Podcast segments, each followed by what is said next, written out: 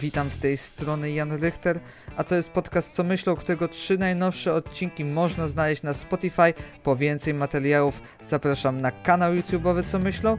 Jeśli chcesz wziąć udział w podcaście Co Myślą, opowiedzieć o swoich studiach, napisz do mnie na kontakt.stratekmałpa.gmail.com bądź prywatnej wiadomości na Discordzie albo również na facebookowym fanpage'u Co Myślą. A ja bez zbędnej zwłoki zapraszam do materiału. Witam bardzo serdecznie z tej strony Jan Richter, a dzisiejszym moim gościem w podcaście Co myślą jest Paulina Jarocińska, która opowie o studiach wschodnich. Dzień dobry Paulino. Hej. Paulina, na początku chciałbym Cię po- poprosić o to, żebyś tak w skrócie, w dwóch, trzech zdaniach opowiedziała o swoim kierunku. No to mój kierunek jest na Wydziale Filologicznym w Gdańsku, aczkolwiek nie jest to typowa filologia. Powiedziałabym bardziej, że jest to taka nauka języka połączona właśnie z nauką o kulturze państw wschodu, em, Rosji i Chin albo Rosji i Japonii. I też połączony z, tak, z taką ekonomią, dyplomacją, takie relacje międzynarodowe. No, więc dużo jakby takich em, rzeczy na temat i krajów, i jakby biznesu. Właśnie powiedziałaś e, o Chinach i Japonii i ja kiedy przygotowywałem się do tego e, podcastu, to właśnie zauważyłem, że do wyboru e, jest chiński i japoński w językach do nauczania i w Mhm. dalszej ten. Czy to jest jakoś takie obligatoryjne, jak ktoś wybiera na samym początku chiński i musi się go trzymać? Czy miałaś takie osoby, czy sama na przykład na początku chciałaś na przykład japońskiego się uczyć, a potem stwierdziłaś, że jednak chiński jest językiem bardziej przyszłościowym? E, Znaczy, my w ogóle jeszcze nas w ogóle nie objęła ta zmiana, bo to dopiero było pierwszy rocznik, miał dopiero taki wybór. My mieliśmy do wyboru tylko chiński. Mhm. Dopiero teraz pierwszy rok miał taki wybór i no z tego co wiem, to mm, chyba więcej chętnych osób było na chiński, z tego co słyszałam. Ale no trudno mi powiedzieć, to myślę, że każdy wybiera tak naprawdę to, co chce. Myślę, że też dużo ludzi może wcześniej miało do czynienia na przykład z, z językiem japońskim i też dlatego poszło na te studia. Z językiem chińskim raczej mało osób ma jakiekolwiek doświadczenie, jak idzie na te studia. A, czyli dopiero od, od niedawna jest to, czyli jeszcze ciebie jakby ta zmiana nie objęła. E, aczkolwiek jakieś przedmioty związane z, z kulturą Japonii masz, czy to też jest na takiej zasadzie, że jednak jesteście skupieni tylko na e, Chinach i języku chińskim? Znaczy, głównie jesteśmy skupieni. e, Ogólnie studia wyglądają tak, że pierwszy semestr pierwszego roku jest tylko rosyjski i jakby wszystko o Rosji i są też takie relacje międzynarodowe, tam jakaś gospodarka i tak dalej. E, Tak, e, ma to taki ogólny charakter, czy też na przykład były podstawy językoznawstwa, a tak to wszystko dotyczyło Rosji. Mm, Wydaje mi się to też ze względu na to, że większość ludzi, która idzie na te studia, bardzo mało osób miało w ogóle jakąkolwiek wiedzę, doświadczenie z rosyjskim. Praktycznie wszyscy zaczynaliśmy od zera, więc tak by, jakby na początek e, rosyjski i chiński to mógłby być duży szok, zwłaszcza, że też uczyliśmy się tej cyrylicy i tak dalej, więc jakby to zetknięcie mogłoby być bardzo drastyczne. E, I dopiero później wchodzi ten chiński. No powiedziałabym, że na tych na przykład przedmiotach bardziej ogólnych, na przykład mieliśmy otoczenie kulturowe w biznesie, czy e, na przykład relacje międzynarodowe, to skupialiśmy się ogólnie na całej Azji. E, Powiedziałabym też, że nad Zachodem też, bo jakby to były relacje e, wschód-zachód. Hmm, Mieliśmy związane, ja miałam jeden przedmiot z Japonią związany o kulturze Japonii. E, To był jako fakultet, co prawda, no ale właśnie mamy też na uniwersytecie właśnie taką osobę, która właśnie też w tym się specjalizuje i bardzo ciekawe to było, bo wiadomo, że Azja i Wschód to nie tylko Chiny i fajnie, że można się dowiedzieć jeszcze coś poza tym. E, Okej. E, Co ja chciałem że tak powiem. Teraz się sam zagalopowałem. Ale ten. Jakie tak na tych studiach na przykład zdobyłaś już umiejętności, tak oprócz języka, które ci się na przykład na co dzień przydały? Bo wydaje mi się, że to jest coś e, najbardziej e, ciekawego dla osoby, że znaleźć, e, zdobyć jakąś umiejętność, która nie tylko przydaje się w danym konkretnym zawodzie czy w tym otoczeniu. Bo wiadomo, już jak sami wspomnieliśmy, uczysz się języka i to jest coś, co jest w ogóle przydatne na pewno w 100% w komunikacji, w wyjazdach na wschód do Chin i tak dalej. Czy ale czy nauczyłaś się jeszcze czegoś, na przykład, na przykład jak się zachowywać w otoczeniu na przykład takich osób z e, Chin, czy, e, że tak powiem, e, Rosji? Znaczy, może nawet nie tyle co zachowanie, ale na pewno dużo o kulturze. Ja uważam, że jeżeli uczymy się języka, to pewnie chcemy współpracować. No raczej będziemy współpracować z ludźmi, e, którzy są z tego kraju, jakby znajomość kultury też e, jakby ułatwia nam ten kontakt, jest na pewno, no na pewno jest bardzo przydatna, zwłaszcza, że mm, w mojej opinii Rosjanie mają bardzo dużą wiedzę e, o swojej kulturze. Wydaje mi się, że większą niż my Polacy. A Chińczycy i ogólnie myślę, że w Azji dużo ludzi jest przywiązanych do swojej kultury i tradycji, i to widać jakby w codziennym życiu, i nawet na przykład przy robieniu biznesu. Mieliśmy takie zajęcia właśnie, które mm, na których na przykład omawialiśmy, jak kto e, się zachowuje z jakiegoś kraju, kiedy robi z nami biznesy, kiedy mamy jakieś negocjacje i tak dalej, więc na pewno to jest przydatna umiejętność. E, Okej, teraz przypomniałem sobie, e, co chciałem się zapytać. Odnośnie fakultetów, to jest, jak bardzo szeroki jest wybór tych e, tematów, bo widziałem, jak sprawdzałem na plan, to jest tak zawsze, naj, najczęściej jest jakieś tam chyba z trzy czy cztery tematy i one są w zupełnie na przykład w różnych dziedzinach, bo tam jak było, widziałem, że było coś o filmie, o, Mhm. o filmach, ale widziałem też na przykład taki bardzo historyczny o Chinach fakultet i jak jaki wpływ na przykład ma to te wybory na tych, zaję- tych zajęć według ciebie na potem dalszą ścieżkę w nauce? Czy na przykład, bo widziałem też, że niektóre z tych mm, fakultetów e, są więcej niż jeden semestr i czy to one są jakby wybierane, e, że wybierasz je na przykład w tym pierwszym semestrze i kontynuujesz je w drugim, czy na przykład one trwają zawsze jeden semestr, tylko jakby są dostępne w kilku semestrach? Ogólnie to jest tak, że my wykłady, zwykłe też mamy zazwyczaj jeden semestr. Były jakieś tam e, chyba religie, e, właśnie i systemy filozoficzne wschodu i kulturę. Możliwe, że coś jeszcze mieliśmy dwa semestry, ale tak to wszystko się zmienia i w fakultetach zazwyczaj jest tak samo, że one się co roku zmieniają. By, pamiętam, że były dwa razy propozycje, że ma, możemy się zapisać na kontynuację, ale chyba się nie nazbierała grupa i po prostu to się nie odbyło więc jest często taka możliwość. No, jakby my dostajemy często listę tam pięciu fakultetów. Zazwyczaj się wybiera chyba trzy, cztery. Na teraz na tym semestrze, co ja idę, się wybiera jeden, więc no można wybrać. mm, Ogólnie jest duży wybór, bo nie tylko my mamy te fakultety, my mamy razem e, z sinologią. Nie wiem, czy nie mieliśmy też kiedyś z rosjoznawstwem jakiegoś, jakby kilka kierunków często ma po prostu te zajęcia. I czasami jest tak, że po prostu łączycie jakby daną tematykę w okolicach danej tematyki z innymi kierunkami i one jakby razem wtedy macie te zajęcia, tak? No, na przykład moje e, przyjaciółki z sinologii, one miały listę pięciu fakultetów, na przykład. My, miałeś, my mieliśmy też pięć fakultetów i załóżmy dwa na przykład się powtarzały i chodziłyśmy potem na te same zajęcia. No to są też właśnie czasami historyczne. E, Mieliśmy fajny fakultet, na przykład typowo o Syberii. Wydaje mi się, że to jest po prostu inicjatywa też e, kogoś, kto będzie to prowadził, jaki to będzie temat. Ja słyszałam, że kiedyś były w ogóle bardziej rozbieżne tematy, aczkolwiek raczej te fakultety, co ja miałam zawsze do wyboru, raczej były powiązane z moimi studiami zawsze. Okej. E, Teraz chciałbym Cię zapytać o taką ważną rzecz, e, która mi się wydaje, czyli o takie dwa szczegółowe kierunki, które e, miałaś, jakbyś mogła o nich powiedzieć. Wydaje mi się, żeby najlepiej było, jakby jeden był bardzo, e, że tak powiem, teoretyczny, a drugi bardziej, bardziej praktyczny, no bo wydaje mi się, że wiedza i, że tak powiem, że części praktyczne są obie ważne dość na studiach. E, A wiele osób też na przykład, jak Mhm. dostaje ten opis kierunku e, na wstępie, to tam są dużo ugolników i potem na przykład y, nie wie do końca z czym to się je.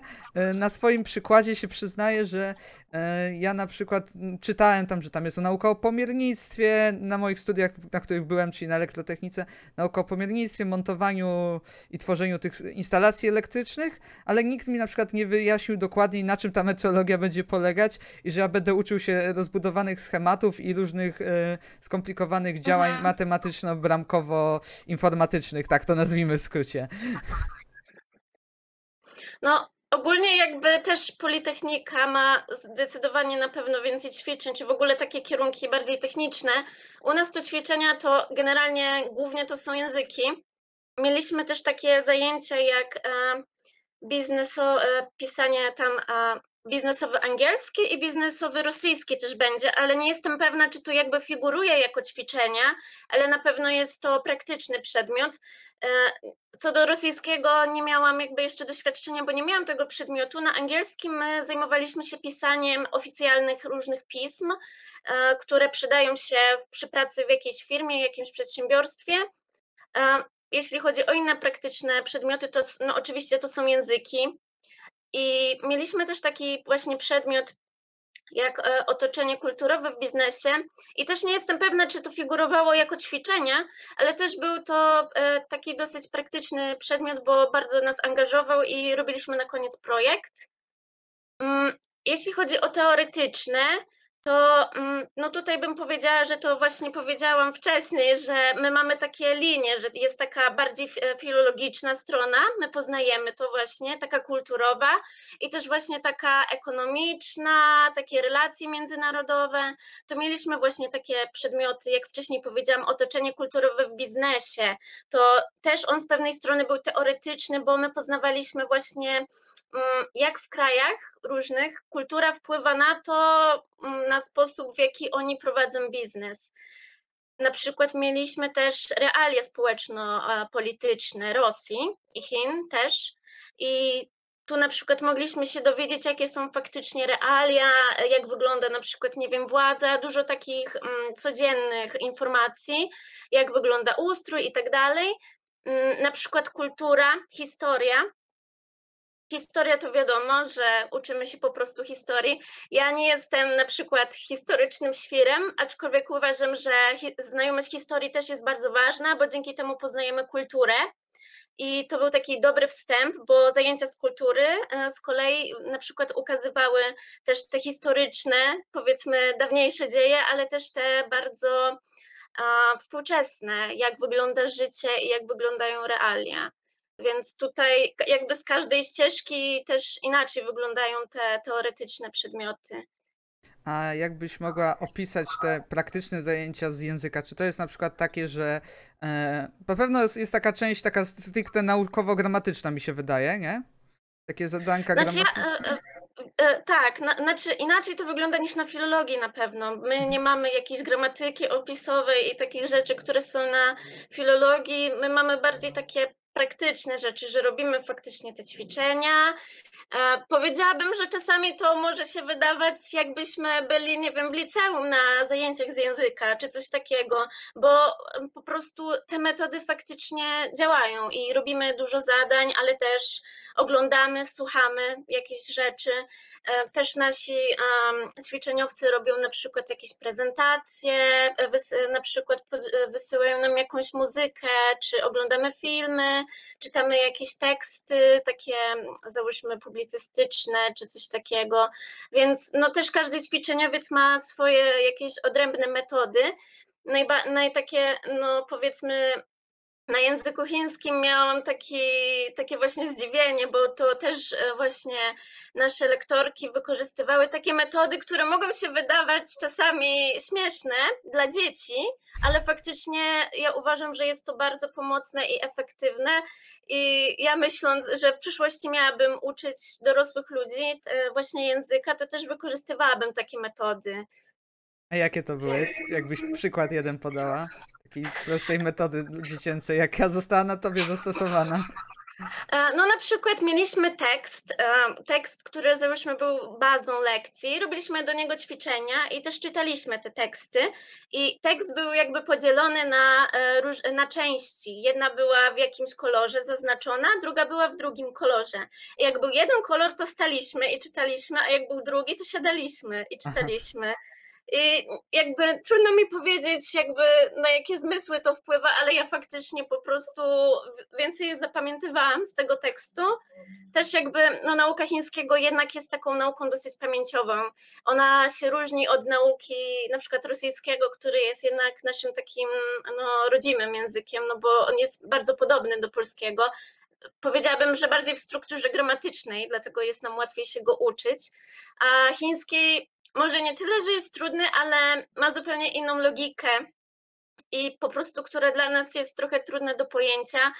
I dużo takich rzeczy, typu mówienia do siebie, czytania czytanki po 15 razy, one jakby mają faktycznie sens, bo my wtedy zaczynamy jakby bardziej na przykład rozumieć te zdania, te konstrukcje gramatyczne. No, przynajmniej jest to moje odczucie. I takie rzeczy są faktycznie efektywne. Okej, czyli jednym słowem taka dość duża powtarzalność pracy, żeby za zapamiętać i zrozumieć sens jakby Mhm, pewnego stylu wypowiadania się. mhm, E, tak. Okej, chyba zadam ci teraz naj, najważniejsze pytanie z tego. W ogóle dlaczego takie studia, a nie inne? No, u mnie akurat to nie jest taka kolorowa historia. Ja zawsze się interesowałam ogólnie Azją. Też bardzo Chiny mnie ciekawiły, ale też nie tylko. Też Japonia i ogólnie jakby kultura państw azjatyckich. I ja chciałam iść na e, sinologię, ale się nie dostałam. No, jak wiesz, byliśmy na matwizie, więc ogólnie to było trochę cięż, ciężkie, żeby się dostać. Ja na te studia też się dostałam z rezerwowej listy ale zaraz powiem dlaczego. Mm, jakby ten rosyjski wyszedł w trakcie. Powiem szczerze, że ja te studia wybrałam, bo miały w swoim programie chiński. I ogólnie rosyjskiego jest więcej. Już od razu mówię, że rosyjskiego języka jest więcej na tych studiach niż chińskiego. I poza tym też, no zależy to, jak, jaką ktoś będzie miał swoją własną pracę przy uczeniu się języka, ale no tych zajęć jest mniej ja się tak nastawiłam na ten chiński i tak naprawdę dopiero w trakcie studiów ta mm, powiedzmy miłość do Rosji tak nagle robiła się coraz większa, że miałam dużo już przeżyć, byłam w Rosji i tak dalej.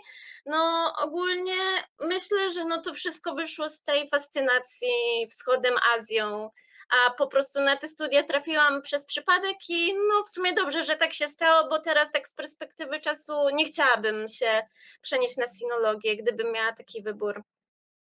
E, ok- Okej. E, Powiedziałaś o wyjazdach i o to chciałbym cię zapytać jako kolejną rzecz. E, Nie tylko o, o, o samo jak te wyjazdy wyglądały, albo co się na nich działo, bo to, bo to pewnie jest tajemnica studencka, więc lepiej jej nie zdradzać. Aczkolwiek ich ilość i jaki jest sens takich wyjazdów, co na takich wyjazdach się dzieje pod względem, co jest zaplanowane w, w planach takich wyjazdów i jak często się odbywają i dokąd. Dobra, ogólnie to jest bardzo temat taki dziwny i z- od razu uprzedzam, że nie wiadomo jak to będzie w przyszłym roku, bo mamy pandemię i No. ogólnie wszystko może się teraz zmienić. Ja opowiem jak to wyglądało teraz, zarówno z- Rosja i Chiny. Jeśli chodzi o Rosję, to takich stricte wyjazdów, jakichś takich wymian, e, to nie ma takich jakichś stałych, myślę, rzeczy. Ym, Jakby u nas na kierunku e, były różne, są różne konkursy i na przykład biorąc udział w takim konkursie, on zazwyczaj się e, odbywa online. E, Później możesz się dostać po prostu na, mm, do tego etapu, który odbywa się tam na miejscu w tym uniwersytecie. I ja byłam na konkursie w Kaliningradzie na finale olimpiady. I no ogólnie wyglądało mniej więcej to tak, no, że był konkurs, ale też y, ja mieszkałam w akademiku, tam z, z tymi uczestnikami mieliśmy taką wycieczkę zorganizowaną e, po, po Kaliningradzie i tam jeszcze nad morzem byliśmy. Um, ja też miałam tyle, ja miałam koleżankę w Kaliningradzie, więc ten wolny czas też spędziłam e, wcześniej z nią, więc na pewno to pomogło bardzo dużo, bo coś tam pomaga- pokazała więcej, coś tam opowiedziała więcej. E, No, w Kaliningradzie też byłam później drugi raz, jak jechałam drugi raz do Rosji i takie bardziej właśnie rzeczy regularne, to wiem, że jest szkoła letnia do Moskwy i ona jest tam trochę płatna, ale nie dużo. I ja byłam akurat na szkole letniej w Samarze, to jest druga rzecz, i ona jest bezpłatna jako program i jako zakwaterowanie, i trzeba płacić tylko za dojazd tam i tam za jakieś jedzenie i życie, ale akurat to akurat, była to bardzo tania sprawa, tak szczerze. Ja nie wiem, czy przez dwa tygodnie to może 2000 zł wydałam. Myślę, że nawet nie, że nawet mniej. A też byliśmy na różnych wycieczkach. W Samarze wyglądało to tak, że my mieliśmy wykłady, takie powiedzmy ćwiczenia, jedne były z gramatyki, jedne z pisania pism, e, mieliśmy też właśnie takie zajęcia o kinie, później resztę, mieliśmy wycieczkę e, tam po Samarze i też była wycieczka do Kazania, a tak ogólnie, no to resztę czasu spędzaliśmy e, sami, odkrywaliśmy miasto. Były też wolontariuszki, które w Samarze mieszkają i studiują tam na uni- uniwersytecie i też nam dużo rzeczy pokazały. Mm, Ja nie pamiętam już, co ja chciałam powiedzieć właśnie. Coś jeszcze chciałam powiedzieć. Aha, dobra, przypomniało mi się, że, że to są raczej takie krótsze wyjazdy.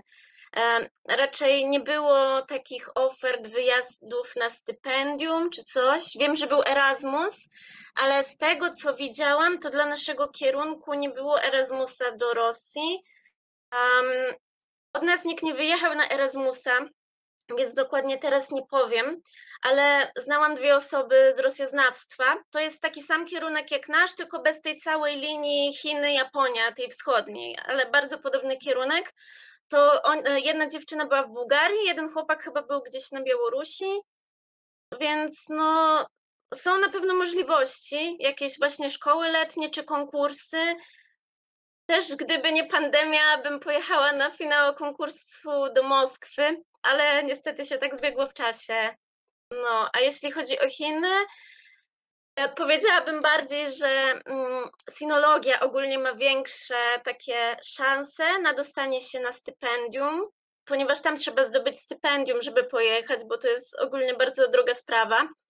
E, Trzeba napisać egzamin językowy HSK 3 przynajmniej i trzeba tam mieć też rekomendacje i tak dalej. No ogólnie to wiem też, że w tym roku ogólnie to oni pozmniejszali te progi.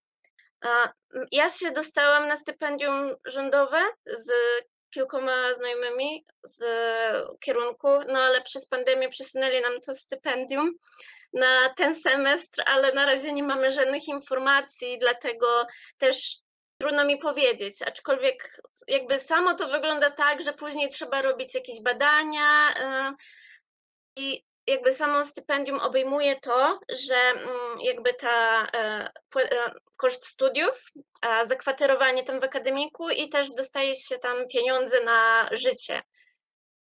A dojechać Przetrwanie w ciężkich samemu. czasach albo w, w ciężkiej Rosji.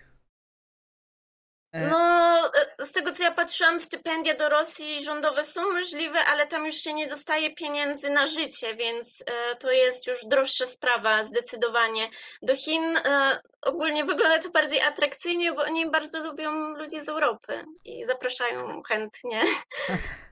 A takie wyjazdy na przykład e, studenckie, że studenci coś e, próbowali sami zorganizować taki wyjazd. Czy to, coś jest takiego, że uczelnia takie rzeczy wspiera?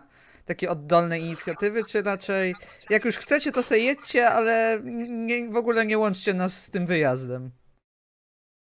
E, Szczerze mówiąc, mi się coś takiego nie zdarzyło, e, tylko wiem, że na jakieś konkursy czasami e, wykładowcy jechali z grupą. Tak, takich, przez moje dwa lata bycia na tej uczelni nie miałam jakby takiej okazji, czy, jest, czy są takie wyjazdy. E, Ja wiem, że chyba przez tam e, jakiś inny kierunek była wycieczka do Serbii na przykład i to było przez uczelnię organizowane i każdy mógł pojechać na tą wycieczkę. Nie, nie wiem, czy to była studia bałkańskie, czy co to tam było, ale też na filologicznym wydziale, ale u siebie jakby w instytucie rusystyki to nie spotkałam się z czymś takim. Okej. E, W ogóle tak ważną chyba rzeczą jest tak powiedzieć, czego nie powiedzieliśmy na początku, w ogóle jak wygląda proces rekrutacji na studia e, na UG, tak, na Uniwersytet Gdański. Mhm. Więc o tym... No to No, proszę. dobra. Jest e, taka strona, ta IRK, no mniej więcej jak na każdej uczelni. Każda uczelnia ma tą swoją platformę, gdzie jest rejestracja, gdzie zakłada się profil, później wpisuje się wyniki świadectwa. E, ogólnie sprawdzałam te właśnie mnożniki, które są. E, one były mniej więcej takie same, jak ja zdawałam. I to tam jest 0,25 język polski, y, później jest 0,5 język e, nowożytny i to jest tam angielski, francuski, włoski, tam jakieś różne języki są. Mm, I później jest 0,25 jest a inny język, no, e, to jest rozszerzony e, język nowożytny, regionalny, tam jakieś historie, historia sztuki, geografia i matematyka, więc poszczęści, poszczęściło mi się. No, więc na pewno łatwiej jest się dostać osobie, która była na typowo humanistycznym mm, kierunku, bo jak dobrze wiemy, napisanie matury z matmy na 60% jest ogólnie super, ale jakby przy tych przeliczeniach, na przykład jak ktoś zdawał inny język, który jeśli się umie dobrze, to pewnie się napisze na więcej procent, no to to już tak wypada średnio i ta matematyka, mimo że wyszła spoko, tak ogólnie to no, ja byłam chyba trzecia pod kreską, czy coś takiego, ale no tam w ciągu 30 minut ta lista się też zmieniła. Wydaje mi się, że po prostu przez to, że dużo ludzi, y, którzy tam się zapisywali na sinologię, być może na jakieś powiązane z Rosją kierunki, się zapisywali też na te studia i później po prostu te miejsca się zwalniały. No właśnie, bo powiedziałaś e, o tym, że za pierwszym razem ci się nie udało dostać na te studia i że byłaś na liście rezerwowej. I jak właśnie to wygląda w, z tego progu listy rezerwowej? Jak, kiedy jest taka jakby informacja, że zwolniło się dla ciebie miejsce? Kiedy się o tym O, ja, dowiedziałaś? ja, ja się dowiedziałam bardzo szybko, bo jak powiedziałam właśnie wcześniej, dużo ludzi rezygnowało i to właśnie taka uwaga dla wszystkich, że jak nie chcecie iść na jakieś studia, to rezygnujcie wtedy, bo to bardzo dużo robi stresu dla osoby, która jest na tej liście rezerwowej, a niektórzy po prostu nie rezygnują i później jest na przykład jakiś, nie wiem, nabór dodatkowy No właśnie, czy tak coś, czy zastanawiałem tak nad tym. E, No, raczej, wydaje mi się, że raczej dużo ludzi rezygnowało sami z siebie przez portal, bo ta lista się na bieżąco uaktualniała i ja przez jakieś no, pół godziny, godzinę już byłam na tej normalnej liście. Okej, czyli po prostu jeśli można to zrobić przez internet, zrezygnować, nie trzeba Mhm. nic żadnych rzeczy wypełniać i wtedy osoba, która jest na tej liście rezerwowej wchodzi za to wolne miejsce. Tak, znaczy O. nie wiem, czy te, pewnie teraz też tak jest, no, No, jak ja tak. kandydowałam, to też tak było. Jeszcze tylko ja przypomnę, bo ja jako e, możliwe, że przyszły student e, też na Uniwersytecie Gdańskim, opłata rekrutacyjna, którą trzeba umieścić, żeby się zarejestrować, wynosi 85 zł na obecną chwilę, jeśli ktoś nie wie. E, To jest chyba ważna rzecz, więc e, jeśli dbacie o swoje biznesy, wybierajcie dobrze te kierunki. E, No i chyba ostatnie, jedno z ostatnich pytań, jakie chciałbym ci zadać, Paulina, to jest, e, co chcesz w ogóle robić po tych studiach? Jaką widzisz dla siebie przyszłość? Oj, to jest ciężkie To jest pytanie. chyba najtrudniejsze z Jak- tych wszystkich. Tak, znaczy, no ja na pewno chcę iść dalej na studia, raczej zależy wszystko jak się potoczy, bo ja mam już jakby plan, który chciałabym zrealizować, ale z powodu wirusa i tak dalej nie wiem jak się to potoczy. Chciałabym iść na magisterkę do Chin i na taki mm, kierunek związany właśnie z e, human resources albo jakieś relacje międzynarodowe, jakby bardziej pójść w tą stronę. Takiego E, i też zarządzania. Mm, No tak, i uczyć się jeszcze chińskiego przy okazji. E, Te studia są po angielsku, więc one też będą wymagały zdania em, certyfikatu z języka angielskiego. Niestety te studia po chińsku, bo czytałam o studiach, na przykład filologia rosyjska, one wymagają zdania egzaminu z chińskiego na bardzo wysokim poziomie, więc mogę rozumieć po prostu, że te studia magisterskie nie odbywają się po rosyjsku, być może z tego względu. Nie wiem, jeszcze będę próbowała szukać czegoś. Na razie mam na oku dwie uczelnie w Szanghaju, a tak to będę musiała zobaczyć. Może jest coś, co oferuje coś takiego, co będzie mnie satysfakcjonowało. Więc myślę, że to jest ta pierwsza pierwszy mój wybór to jest na pewno kontynuowanie nauki. Ym, ogólnie myślę, że będę na pewno próbowała pracować w tym sektorze jakimś takim gdzieś w jakiejś firmie czy coś. Em, moim takim życiowym celem na pewno jest, e, może kiedyś o tym mówiłam, że ja bardzo lubię uczyć i chciałabym zostać lektorem. Nie wiem, czy na uczelni, czy jakoś prywatnie. E, więc e, takie są moje plany. Na pewno planuję się uczyć jeszcze jakiegoś języka w przyszłości. Też bardzo mnie zainteresował temat bycia lektorem języka polskiego dla obcokrajowców. No, będę musiała też się zorientować, czy trzeba mieć jakieś pedagogiczne kursy i w ogóle. No, ale na razie staram się o tym po prostu nie myśleć, bo jakby chcę się dostać na te studia magisters magisterskie i jeśli się dostanę, to jakby to będzie odsunięte na dalszy plan. No, a jeśli się nie uda, no ja na razie jeszcze muszę pomyśleć nad tym planem B, co dalej, jeśli się nie uda. Okej, no to w takim razie życzę ci powodzenia, oczywiście. W ogóle zapomniałem się tak jak Bartka się spytać. Paulina, czy można powiedzieć studentka trzeciego roku już, czy drugiego roku jeszcze? No, ja mam wszystko zaliczone, No to więc trzeciego. chyba trzeciego. Okej, bo tego, tego, tego tak samo z Bartkiem e, nie, nie zapytałem go i zacząłem mówić drugiego roku i Bartek mnie poprawiał e, na trzeciego roku. Paulina, ja ci bardzo serdecznie dziękuję za wzięcie udziału w tym podcaście. Mam nadzieję, że e, nie było stresująco. Bartek mówił, że nie. Mam nadzieję, że to potwierdzasz. E, Nie było. Ja bardzo chętnie się wypowiadam, bo ten kierunek jest e, związany z moją pasją i bardzo zachęcam wszystkich, którzy mają podobne zainteresowania, żeby aplikować tam. Okej, więc zachęcamy. Strona do rekrutacji UG umieszczę ją w opisie. E, osobom, które to ogląda, e, wysłuchały czy oglądały, to bardzo serdecznie dziękuję. Przypomnę tylko, że e, podcastu można słuchać na YouTubie. Tam są wszystkie odcinki podcastów, jakie powstaną, a trzy najnowsze zawsze będą e, wrzucane na Spotify'a. E, w związku z tym e, to przyznaję szczerze, jestem cebulą. E, SoundCloud e, każe płacić, żeby móc przesyłać więcej niż 3 godziny materiału, więc, e, że tak powiem, e, tak powiem, ja na razie jako jest, będę przyszły student oszczędzam.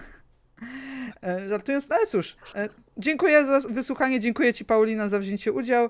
Ja wszystkim e, życzę powodzenia e, na przyszłych studiach czy na już obecnych.